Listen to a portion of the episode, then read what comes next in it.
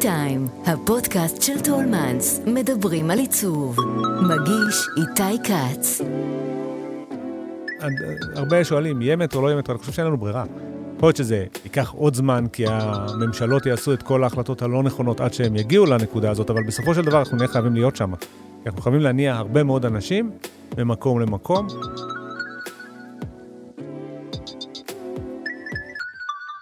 שלום, אני איתי כץ, ואתם על T-Time, הפודקאסט של טולמנס, שבו אנחנו פוגשים אדריכלים, מעצבים ויוצרים לשיחה מרתקת על עיצוב, אדריכלות, סגנון חיים ותרבות ישראלית. אני שמח לארח הבוקר את האדריכל ארז אלה, שעומד יחד עם מתן ספיר ואריאל אילן, שותפיו, בראש משרד HQ, אה, שהפורטפוליו שלו באמת מגוון ועשיר ממבנה מקורים, דרך מבנה ציבור, פרויקטי תחבורה גדולים, משרדים, ומה לא, ניגע בכמה מהדברים. ארז אהלן. אהלן, בוקר טוב. בוקר אור. אה, חווינו ממש לאחרונה בפעם האלף מלחמה בדרום, מה שמוביל אותי אסוציאטיבית לפרויקט אה, די משמעותי שלכם בשדרות, כפר הסטודנטים, פרויקט שהתחיל בעשור שעבר, אבל ממשיך אה, להתגלגל. אז בוא תספר מהו. כן, האמת, הוא התחיל גם במלחמה, זה נשמע מוזר, אבל ממש ב-2015, אם אינני טועה, ב...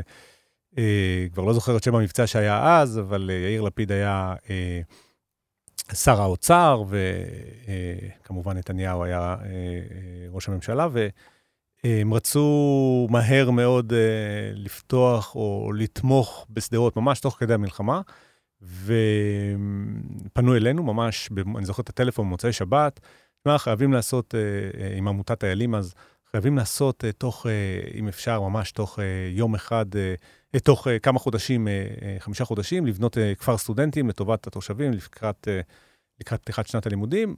מה אפשר לעשות? למחרת היינו בשדרות, ראינו את האתר והתחלנו פרויקט שהיה מאוד מאוד מעניין, נבנה אז מקונטיינרים בגלל לחץ הזמן, עם ממ"דים, הרבה המצאות של בניית ממ"דים בפריקאסט וכאלה דברים. uh, אני חושב שדי מהר זה זכה להצלחה, אכלסנו אותו באמת בזמן, וה... אה, מה שזה עשה, זה, אני חושב, הכניס את הסטודנטים שהיו באותו זמן אה, מחוץ לעיר, אה, למדו בספיר, שזה, ספיר, סליחה, שזה בתוך ה... או קרוב מאוד לעיר, אבל הת, התאכסנו ב, בקיבוצים ליד, הכניס אותם לעיר. כשהם נכנס, נכנסו לעיר, אז פתאום נפתחו בתי קפה וכל מיני דברים, וזה גרם להרבה מאוד דברים טובים אורבניים, שבעקבותם המשיך הפרויקט לשלבים הבאים. Mm-hmm. אמ, התארחו כאן ממש לא מזמן שני אדריכלים, אה, אמיר אמן ואסף מן, שדיברו על פרויקט הספרייה הלאומית אה, בירושלים, ובין השאר עלה שם כרפרנס עוד פרויקט מאוד מאוד גדול שהמשרד שלך היה שותף בו, הקמפוס החדש של בצלאל במגרש הרוסים בירושלים. אה, אתה נולדת ממש קרוב לשם, אז יש לך ממש קשר נכון? ממש ממש, אני ליטרלי נולדתי 500 מטר מהאתר. כל, כל, כל הירושלמים יכולים uh, להתחבר למה שאני הולך להגיד עכשיו, זה מלא האתר, כל הירושלמים שהם בגילי, בואו נהיה רגע כנים, אבל היינו נוטים לבלות uh, uh, בימי הברים של הגלסנוסט ושל ה... אה, אה, היה עוד, עוד אחד ליד, וממש אה, הרבה מאוד לילות ו, וימים, וכבן נוער וכצעיר וכילד ביליתי באזור, אז בהחלט זה קרוב. אני גם מלמד בבצלאל, שזה הקם, הבית ספר, לפני שהוא עבר כולו למרכז העיר, אז הבית ספר לאדריכלות היה בבניין ההיסטורי, שגם הוא ברחוב בצלאל, במרכז העיר, אז זה ממש מאוד מאוד קרוב ומאוד מאוד חשוב היה לי. אז בוא תספר על הפרויקט, אתם בעצם השותף של סטודיו סאנה אה, מטוקיו, נכון. שקיבל את הפרויקט הזה, שנחנך די לא מזמן. נכון. וכבר מעורר אה, ככה באז לטוב, לרע, לכל מיני כיוונים. אולי קודם תספר מה עשיתם בפרויקט. כן, אז, אז, אז קודם כל על הקונסטלציה. פרויקטים, יש, בארצות הברית נגיד, זה מאוד, מאוד אה, אה מקובל, אה, במקומות אחרים בעולם גם כן, אה, אה, לעתים כשיש אדריכל שהוא... אה, קצת מחוץ לאזור הקרוב של הפרויקט, או האזור הסטטוטורי הקרוב של הפרויקט אה, אה, שנמצא, וכמובן סאנה הם כאלה, נמצאים ביפן, הם לא מכירים את החוקים, לכן יש אדריכל מעצב, אדריכל בינלאומי ואדריכל מקומי שותף. אה, הפרויקט התחיל עם אדריכל אחר, אריה קוץ, שליווה אותם בזמן התכנון, ואנחנו בעצם, כדי להוציא את הפרויקט לפועל, הם ביקשו קצת חיזוק, ואנחנו הצטרפנו והפכנו להיות השותפים שלהם כאן לטובת ה... הבנייה של, ה, של הפרויקט. זאת אומרת, את העיצוב עצמו לא אנחנו עשינו, זה גם באופן כללי, ה, הרבה פעמים אדריכלים בינלאומיים אוהבים לעשות את זה בעצמם, ו, ומאוד מעורבים, גם היו מעורבים לאורך בעצם כל הפרויקט, למרות שעברנו דרך הקורונה, שזה, או, הם לא כל כך יכלו לטוס לפה, אז uh, המצאנו כל מיני שיטות אחרות uh, להיות, שהם יהיו מעורבים, אבל באופן, uh, באופן עקרוני, התפקיד שלנו היה להוציא את החזון שלהם, או מה שהם קוראים ה-design intent שלהם, אל הפועל.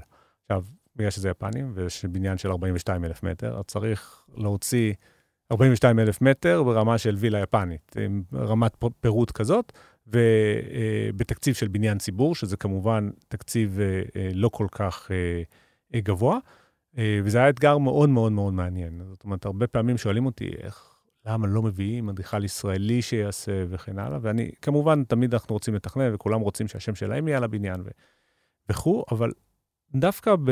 לפעמים, או לא לפעמים, הרבה פעמים זה מאוד מעניין להביא מישהו מחו"ל עם תפיסת עולם אחרת לגמרי. אתה לומד המון. אני חושב שזה מקפיץ את כל ה... אמ, אה, את כל הדיסציפלינה שלנו בישראל, שגם ככה אנחנו קצת אה, אה, פריפריה גיאוגרפית וגם אולי קצת תרבותית, למקומות אחרים. אז אנחנו פתאום רואים איך עושים דברים, אנחנו רואים איך מתודולוגיות של עבודה, של תכנון, של, של הוצאה לפועל, וזה, וזה היה מאוד מאוד מעניין. אמ, איפה אתה בתור ירושלמי מלידה, שבאמת מכיר את הפרויקט הזה מצוין, מלמד בבצלאל, מכיר את זה, מעורב בפרויקט, אתה באמת, יש לך 360 מעלות. איפה בתוצאה, גם אתה רואה את האג'יות הזאת שהם הביאו, שאתה אומר שהם הביאו משהו שאנחנו, הישראלים אולי לא יכולנו לבד, ובכלל, מה אתה חושב על התוצאה? אז שנייה, אני אשים את התוצאה בצד, אני דווקא אדבר על איפה, איפה התפקיד שלנו. אז באמת, מה ש... התפקיד שאנחנו ראינו זה איך אנחנו לוקחים את, ה, את החזון שלהם, ומנסים אה, במרכאות לגייר אותו, לעשות אותו ישראלי. אה, מבינים את היכולות בנייה המקומיות, מבינים אה, איך אפשר לבצע, מבינים את כל הקשיים הסטטוטוריים, רגולטוריים ואחרים, כדי באמת לקחת את החזון שלהם, הגדול, הרחב, הזה שמסתכל 20, 20 קילומטר קדימה, ולהביא אותו למציאות. אני אתן דוגמה, אני בא ממשפחה של קבלנים, גדלתי בבניין, אז בטון זה משהו שאני מכיר. והבטון, כמו שמי שמכיר את הבניין, בטון, רוב הבניין, אולי שווה לתאר אותו ברגע, כל, רוב הבניין הוא בטון לבן חשוף, אה, עם מערכות חשופות. בניין מאוד אה, אה, רזה ונקרא לזה אה, אולי ערום, והאתגר היה איך לעשות את הבטון הזה בצורה מאוד מאוד טובה וכמה שיותר קרובה ל, לאבן ירושלמית בעצם. ולעשות את זה זה אתגר, עשינו מוקאפים, השתמשנו באגרגטים מקומיים, זה דברים שאני מביא עוד פעם מהיותי אה, בן של קבלן נקרא לזה, שהיה מכין, מערבב את הבטון ב, עם הטוריה בפיילה בהתחלה, כשהייתי ילד, ועד היום על כל, ה, כל האתגרים וה, והטכנולוגיות שקיימות. אז אני חושב שבמובן הזה זה היה לי אישית מאוד מאוד מעניין. יחד עם זה, היינו צריכים בניין מאוד מורכב תלת-ממדית, היינו צריכים לבנות הכל בתלת-ממד, היינו צריכים לשבת בטכנולוגיות ה... אה, העכשוויות הכי, אה, הכי חדשניות שיש, כדי לאפשר אה, לבניין הזה להיות מתוכנן נכון, קונסטרוקטיבית ואדריכלית, ובסוף למשוך אותו לביצוע בשטח, כדי שהיפנים, התבניות שלהם יהיו מיושרות כמו שהם רוצים, והקווי תאורה יהיו בדיוק מיושרים כמו שהם חלמו עליהם. אז במובן הזה אני חושב שזה היה מאוד מעניין להיות אפילו משוחרר רגע מהעול של העיצוב.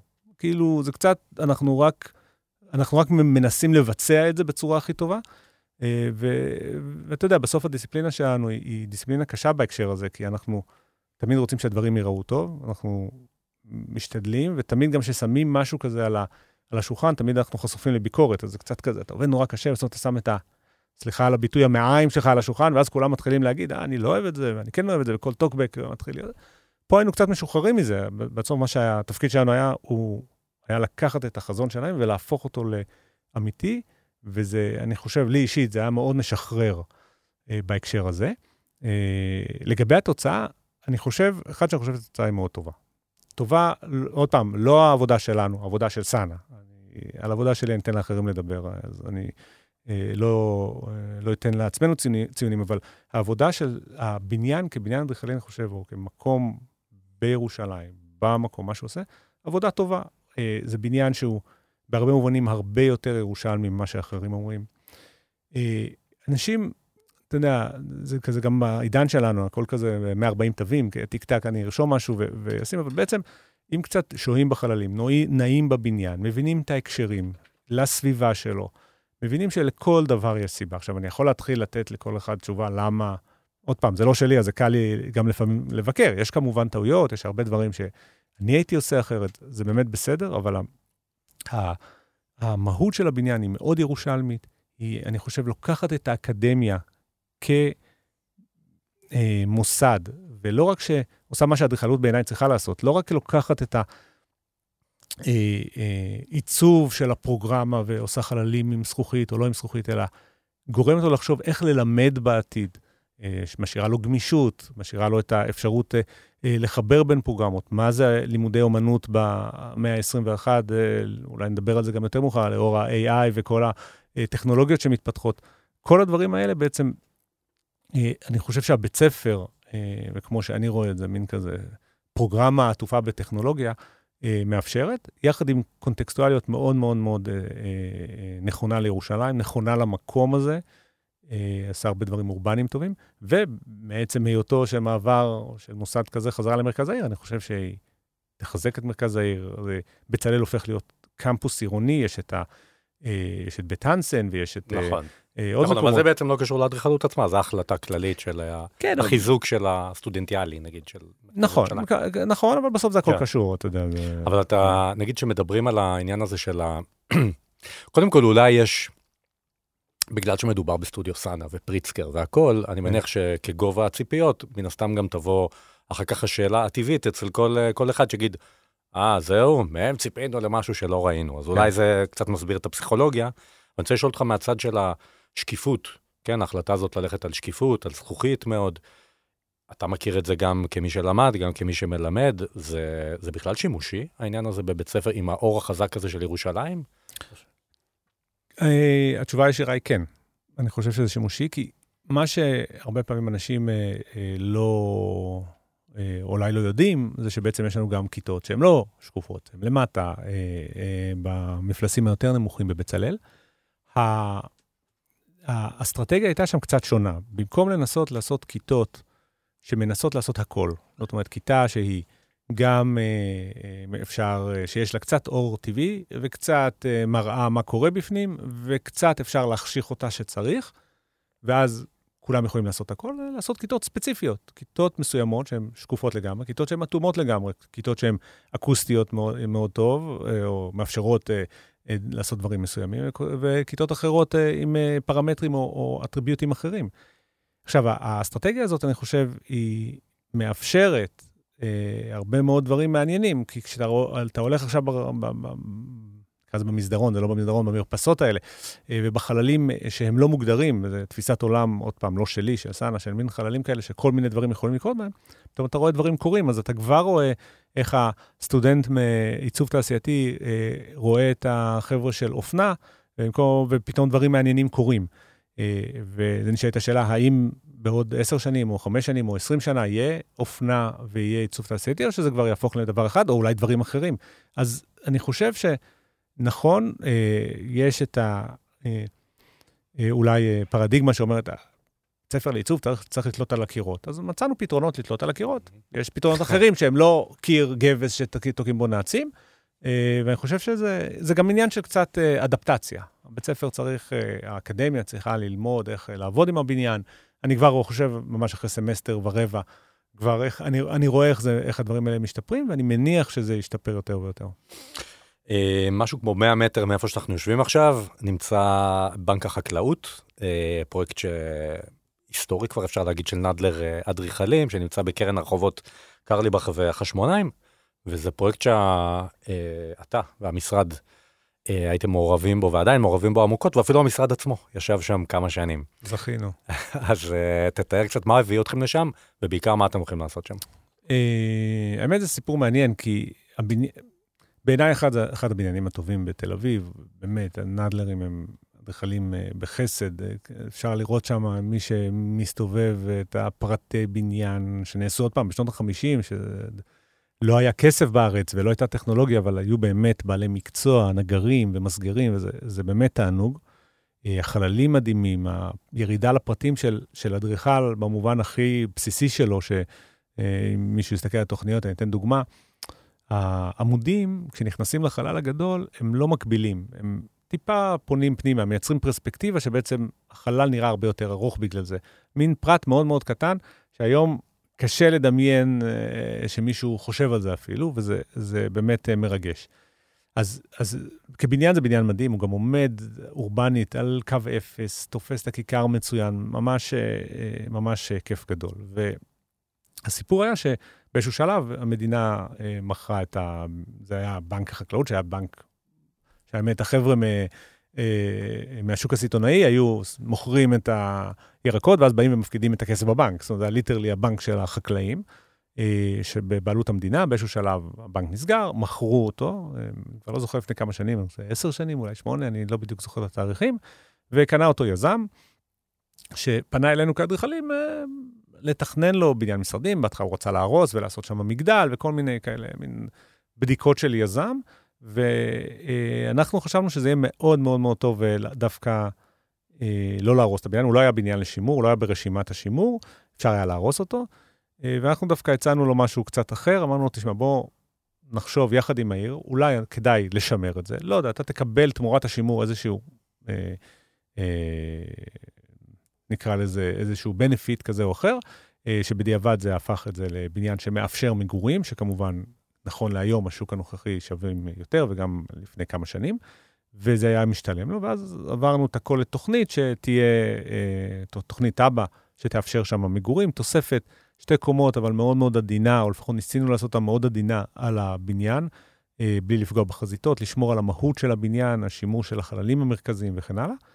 ואז אה, יצא עוד משהו מעניין מתוך הסיפור הזה, שהיזם... אה, שהוא היה אה, יבואן של אה, מכוניות לקסוס, רצה שנשפץ את זה בינתיים ונעשה שם איזשהו אה, אולם תצוגה, אז עשינו את זה, ואחרי זה הוא עזב, ואנחנו נכנסנו בתור אדריכלים, החלל כל כך יפה שחשבנו שזה יהיה נהדר, ואז זה עבר להיות מלונות בראון, ואז אנחנו מתכננים שם מלון, אבל זה נדל"ן ישראלי טיפוסי, כל אחד מסובב. אבל בכל מקרה, אני מקווה מאוד שאנחנו כבר עזבנו שם ממש לאחרונה, כי התקבל היתר, או כמעט התקבל היתר ל... אה, למלון, ואני מקווה שנתחיל לבנות את ה... לשפץ את הבניין בעצם, זה לא באמת לבנות אותו, זה לשפץ אותו, להתאים אותו למלון. אז אתם זזתם טיפה דרום-מזרחית לאזור אה, יד חרוצים, ולא רחוק משם תכננתם פרויקט אה, די משמעותי באזור התחנה המרכזית ה... הישנה. נכון. נכון? באזור שהוא באמת, המקום הכי נמוך בתל אביב זה שם. literally המקום הכי נמוך בתל אביב, אה, רחוב אה, פיין אחד, אה, לצערי הרב, היו שם כל מיני אירועים גם פליליים. וכן, אני שמח שזה פרויקט שאני מאוד מאוד אוהב, כי הוא, מצד אחד, הוא פשוט בניין מגורים בתל אביב, לא יודע, 53 שעה, 53 יחידות דיור, אם אני טועה, וקטנות, ומין כזה קבוצת רכישה, כל ה... מין הנדלניסטיות התל אביבית. אפילו הלא סופר מתוחכמת. אה, מצד שני, דווקא בגלל זה, זה אפשר לנו לעשות פרויקט מאוד מאוד מעניין, של, אה, שגם שומר על הקונטקסט האורבני שם, שהוא קצת אה, מתקשר לבריטים, קצת יותר אולי, נקרא לו, אירופאי במובן של קו בניין אפס, לא, תוך, לא עיר הגנים הגדסית, או שאחרי זה הפכה להיות כבר ישראלית, עם מין בניין שעומד באמצע, באמצע מגרש, אלא יכלנו להכניס את, ה, את החצר פנימה. אה, גם במובן האורבני, אבל גם במובן הקהילתי, פנימי של, ה, של הבניין, כי אה, הבנו שהסביבה, למרות שהיא משתפרת וכולם מקווים שהיא תשתפר, ואני מניח שהיא תשתפר, אה, בת שבע הולך להיות ממול זה כן. וכו', עדיין זו סביבה שקצת רוצה, אולי קהילות מעדיפות להסתגר פנימה, והצגנו שם חלל מאוד מאוד, לפחות אני חושב, מאוד מעניין, ו... וטוב, וגם קהילתית זה עובד, אנשים עושים שם את המסיבות שלהם ביום שישי, כל הקהילה של הבניין, וזה ממש, אה, ממש נחמד. אמ, ועוד קצת דרומה משם, בת ים, נכון? שם אתם כן. מעורבים בפרויקט ענק, אפשר לומר. בת ים, בת ים בשבילי זו עיר קצת, אה, מין, איכשהו, מהיום שחזרתי לארץ, אה, אחרי שהיינו בחו"ל, אה, התחלנו אה, לעבוד שם, בעיקר בתכנון עירוני, פחות בבניינים. בזמנו עם מי שהיה סגן מהנדס העיר, גורי ננדלר, שהיום הוא עובד ברשות להתחדשות עירונית, וגם איתם אנחנו עובדים, גם בבת ים. ובעצם זה מין, מין פרויקט אורבני מאוד מעניין, כי בת ים היא קצת לכודה בין הים, חולון, תל אביב וראשון לציון. היא די מלאה במובן של כיסוי הקרקע, ומצד שני יש לה המון פוטנציאל, אבל זה קצת לא מתממש. מכל, אפשר להיכנס לסיבות, אני חושב שזה כן. פחות מעניין, אבל uh, מבחינתנו זה, זה, זה, או מבחינתי האישית, אני אגיד, זה היה מאוד מעניין להיכנס לבת ים, כי זה נתן לי להיכנס בפעם הראשונה לתכנון אורבני במובן היותר רחב שלו, לא במובן הסטטוטורי שלו, של להכין תב"ע, אלא במובן של uh, איך מסתכלים על עיר. ואני חושב ש... בטח בישראל, בגלל הרגולציה, הדרך היחידה שאנחנו יכולים לעשות שינוי מהותי בחברה, כאדריכלים כמובן, זה דרך uh, טבעות. בניין, הוא יכול להיות טוב, הוא חשוב, פעם, בצלאל כדוגמה, אבל אין הרבה כאלה באופן עקרוני, ו- ואחרים, האקדמיה למוסיקה בירושלים, אבל זה מאוד uh, פרטיקולרי. כש- כשעושים תכנון עירוני, במובן uh, הרחב שלו, אני חושב שאפשר להשפיע מאוד.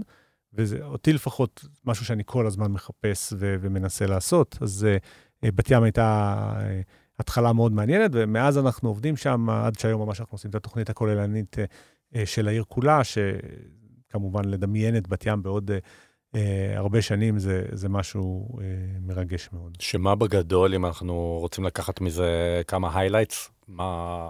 לאן זה הולך? אה, ברמה הרעיונית, אני חושב שהבנו שלבת ים, אנחנו לא מסתכלים, קודם כל אסור לנו לנסות לדמיין אה, שהיא תהיה תל אביב, או כמו תל אביב, או כמו חולון. היא כמעט אה, נבלעה על ידי תל אביב לפני כמה שנים. היא כמעט נבלעה, נבלעה במובן המוניציפלי, כלומר כן. שתל אביב כ... כישות, כישות מוניציפלית. מוניציפלית תיקח אותה. אולי זה היה יכול להיות יותר טוב או פחות טוב, כי בת ים ברמה הכלכלית, וגם תכנון עירוני כן. מדבר הרבה על צדק חלוקתי. כמו כזה. קרן הארנונה שמדובר עכשיו, בעצם אה, ניתן היה לעשות כאן איזשהו כלים שלובים ולאחד ביניהם. כן, אני לא בטוח שאתה רוצה לגעת לקרן הארנונה, שבסוף היא כמובן אה, אה, הרבה יותר פוליטית ממה שהרעיון כן. הסוציאליסטי שאולי עומד מאחוריה, או מאחורי המנגנונים האלה, אבל לגבי בת ים, ההבנה שלנו היא שעיר מצד אחד ללא מרכז, זאת אומרת, אין שם איזשהו מרכז אחד שאתה אומר, אוקיי, יש לי את, אה, לא יודע, בתל אביב או במקומות אחרים, יש לך ממש את המרכז אה, העסקי או את המרכז התרבותי, כן. אלא באמת זה מין פסיפס של, של חלקים שעובדים מאוד מאוד מאוד טוב ביחד, אה, ולכל אחד יש אופי קצת, קצת שונה, קצת אחר, והניסיון שלנו דווקא לקחת את הפסיפס הבעיניי מאוד מאוד מאוד מאוד מעניין הזה, ולחזק אותו אה, בצורה מאוד מאוד רצינית. אז כל אחד מה...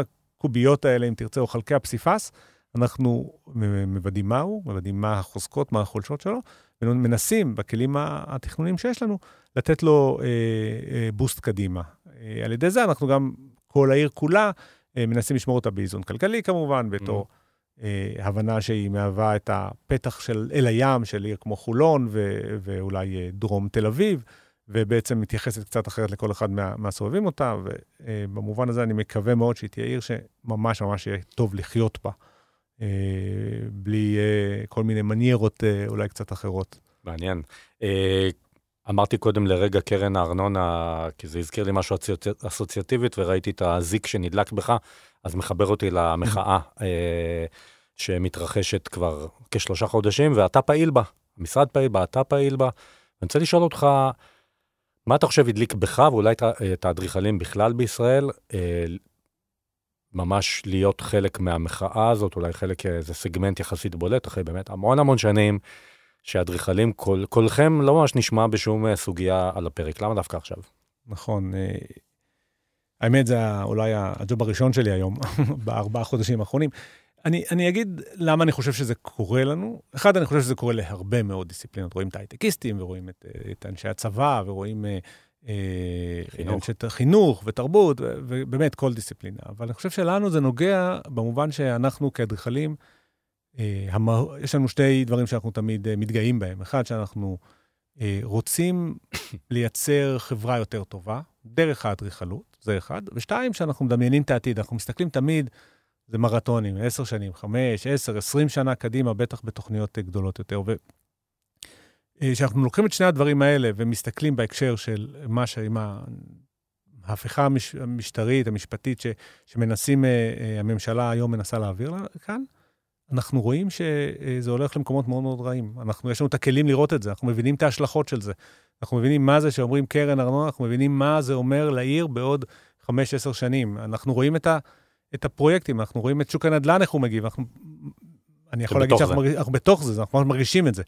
ו, ובדבר הזה, ברגע הזה, לי, עכשיו אני מדבר ברמה האישית שלי, זה אה, הביא אותי להבנה שנכון, מאוד חשוב שהחזית תהיה טובה והזכוכית תהיה בצבע הנכון והפרט אה, יהיה מעניין, אבל יש רגעים שצריך לשים את זה בצד ולצאת ולעשות מעשים אה, הרבה יותר אה, אולי אה, שאנחנו לא רגילים אליהם, לצאת לרחוב, לצעוק, לעשות פעילויות, לעשות כל מיני דברים, כדי שהדבר הזה ייעצר, כי אחרת אנחנו לא נוכל לחזור אחורה. זה, וזה, עוד פעם, ישפיע על החברה וישפיע על הסביבה שלנו בצורה... מאוד מאוד קיצונית. ושני הדברים האלה הם בעיניי, אי אפשר לעמוד מהצד, מי שעומד מהצד הוא... אי אפשר להגיד, אני לא, אני לא פה ואני לא פה. זה, אם לא עושים מעשה, היום אתה בסיטואציה שאתה בעצם מסכים עם מה שקורה, ובעיניי זה נורא. זה דורות קדימה שאנחנו, זה מה שאנחנו עושים. המהות של התפקיד שלנו זה להסתכל דורות קדימה, ואנחנו מזניחים את זה. זה הביא אותי לפעול, ואני פועל. אתם למשל מעורבים מאוד בפרויקט תחבורה עצום, אה, יש לו נוכחות גדולה, תהיה לו, בעצם באזור של סבידור ארלוזורוב, באזור של בן צבי, סביב המטרו. אז גם בהקשר הזה, בעצם העתיד של ישראל וההחלטות, הוא מאוד מאוד מושפע פוליטית בעצם, ההחלטות, אם בכלל לקדם פרויקטים של תחבורה ציבורית, איך לתקצב אותם, נכון? זה גם... חד משמעית. אני... אה, קודם מילה על הפרויקט, אני חושב שבעיניי זה אחד הפרויקטים שאני מאוד, הכי אוהב והכי אה, מושקע בו במשרד. אה, מדובר על לתכנן את המתח"מים. המתח"מים זה בעצם המרכזים שבהם ה, כל התחבורה הציבורית מתחברת, אם זה רכבת כבדה, רכבת קלה, מטרו עתידי, קווי אוטובוסים, במקומות האלה שהכול מתחבר, תמיד נוטים להשוות את זה ל Penn Station או Central Station בניו יורק, אה, הרבה מקרים, או, או מקומות אחרים בעולם. זאת אומרת, ממש hub תחבורתי. hub תחבורתי, שבו מצד אחד כל אמצעי התחבורה מתחברים, מצד שני, יש לנו את הפוטנציאל, לנו זה אומר למדינת ישראל, לתכנן במקומות האלה אה, גם את העיר ולא רק את התחבורה. זאת אומרת, פתאום עכשיו, אם תהיה שם תחבורה, אנשים יוכלו להגיע בקלות, אז אפשר להפוך את זה גם ליעד, או ליעד, או למקום שאנשים יגורו בו, או למרכז עסקים, כל אחד כמובן כל האב כזה אה, עם אה, מה שמתאים לו. אז הפרויקט, אני חושב שהוא אחד הפרויקטים שישפיע בצורה הכי אינטנסיבית על הכי הרבה אנשים. אנחנו מדברים על אה, אה, חצי מיליון אה, איש ביום, אה, זה פשוט מספרים שאנחנו לא מכירים. אה, בעוד 10-20 שנה. זה באמת לדמיין את ישראל כאיזה מין מטרופולין אחד גדול. נכון, תראה, אני חושב שאנחנו אולי לא מבינים את זה, אבל אנחנו שמה כבר. אה, הצפיפות אה, עולה פה, אנחנו כנראה לא נעצור את זה, בטח לא בקונסטלציה הפוליטית היום. ואם לא נעצור את הילודה, המדינה מצטופפת ותהפוך להיות מהר מאוד, אם לא הצפופה בעולם, אחת מהשלוש. תלוי איך סופרים את זה ואיפה שמים את הגבול. ואנחנו ככאלה צריכים להתמודד עם זה. עכשיו, הרבה שואלים, יהיה מטרו, לא יהיה מטרו, אני חושב שאין לנו ברירה.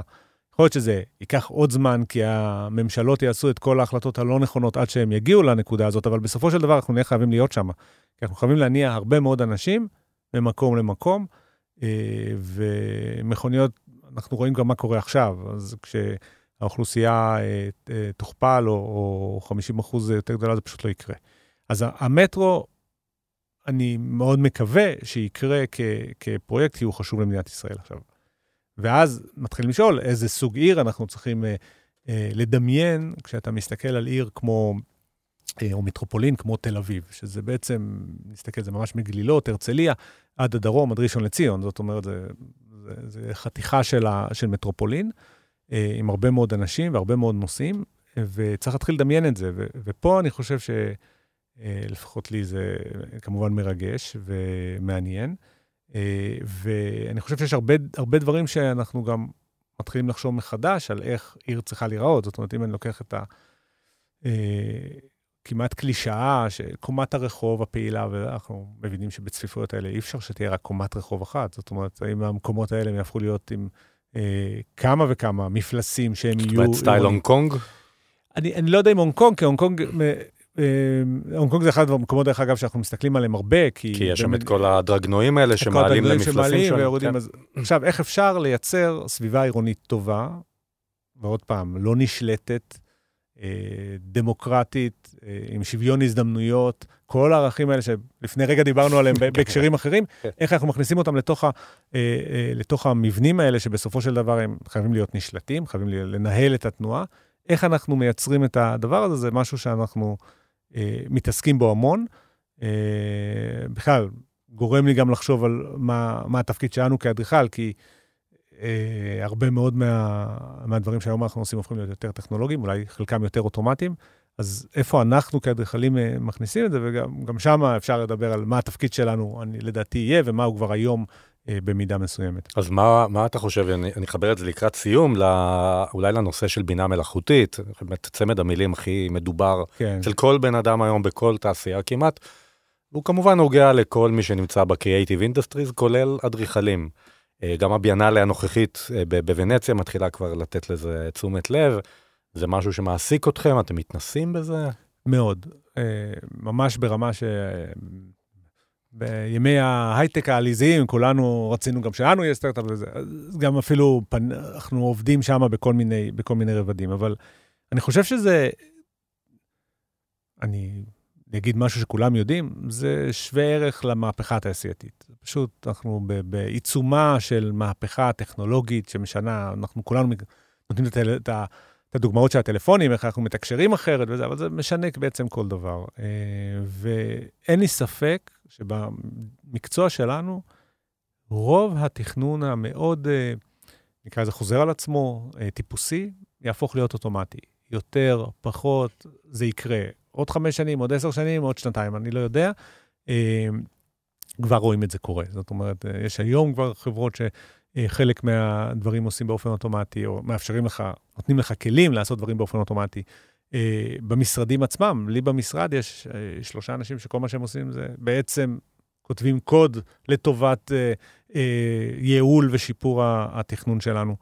אז הדבר הזה כבר קורה, זאת אומרת, זה, זה, זה ברור עכשיו. אז כשאומרים את זה, אז מה התפקיד שלנו? נכון, אם... למה נצטרך? כן, למה נצטרך. אז, אז פה אפשר לפתוח את זה רחב, אפשר לשאר יותר צר. אני, אני, אנסה, אני אנסה רגע להגיד, אם, אם, אני אנסה לתאר את זה ככה, אם ה...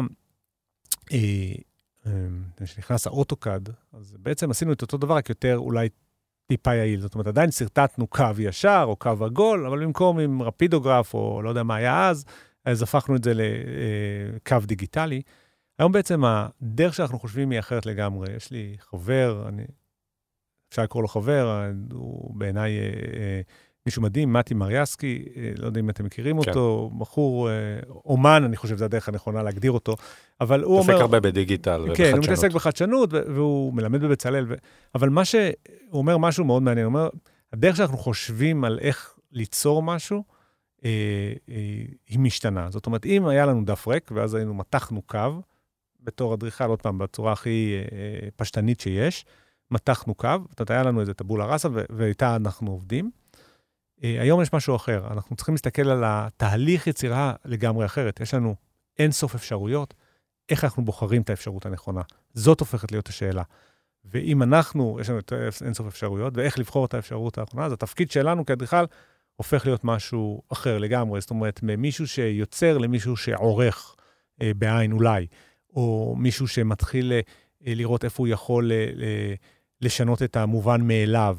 ובדברים האלה זה אני חושב שזה תהליך אה, אה, מעניין, כי גם הדרך שאנחנו מלמדים אדריכלות צריכה להיות שונה, הדרך שאנחנו אה, עובדים במשרד צריכה להיות שונה. אה, זאת אומרת, המשרד מאורגן, איך שהוא מאורגן, איך שהוא פועל ביום-יום שלו, צריכה להיות שונה. וגם אני חושב שאם אנחנו נשכיל, אנחנו יכולים להיות מאנשים שיכולים להשפיע יותר מאשר במקומות אחרים, או ממה שהשפענו בשנים, בשנים האחרונות. אני אולי אוסיף משפט אחרון mm-hmm. בהקשר הזה, זה כאילו... זה משהו שאני תמיד, תמיד אמרתי, ואני חושב שאני אמשיך להגיד, בסוף התפקיד שלנו לנקוט עמדה כאדריכלים, אבל עכשיו הוא אפילו הוא קצת יותר רדיקלי מזה, הוא קצת, אה, אנחנו לא רק צריכים לנקוט עמדה, אנחנו צריכים למצוא את המקומות שבהם אנחנו יכולים לאפשר את אותו חופש, את אותו כאוס, שבגלל שהכל כבר צפוי, אנחנו בעצם צריכים למצוא את לתכנן את החורים של כל המקומות הצפויים, את המקומות האלה שבהם נוכל לתת לאזרחים, לתושבים, לאנשים, ל, לילדים, אה, אה, לעשות את הדברים שהם, נקרא להם, לא נשלטים, לא צפויים, אה, לא ברורים מאליהם. אדריכל ארז אלה, תודה רבה שבאת להתארח. היה לי כיף גדול, תודה. היה לי כיף לדבר איתך, ותודה לכם שהאזנתם. חפשו את שאר הפרקים של הפודקאסט T-Time של טולמנס באפליקציות ההסכתים. אני איתי כץ, להתראות. האזנתם לטי-טיים, כל מה שמרגש בעולם העיצוב.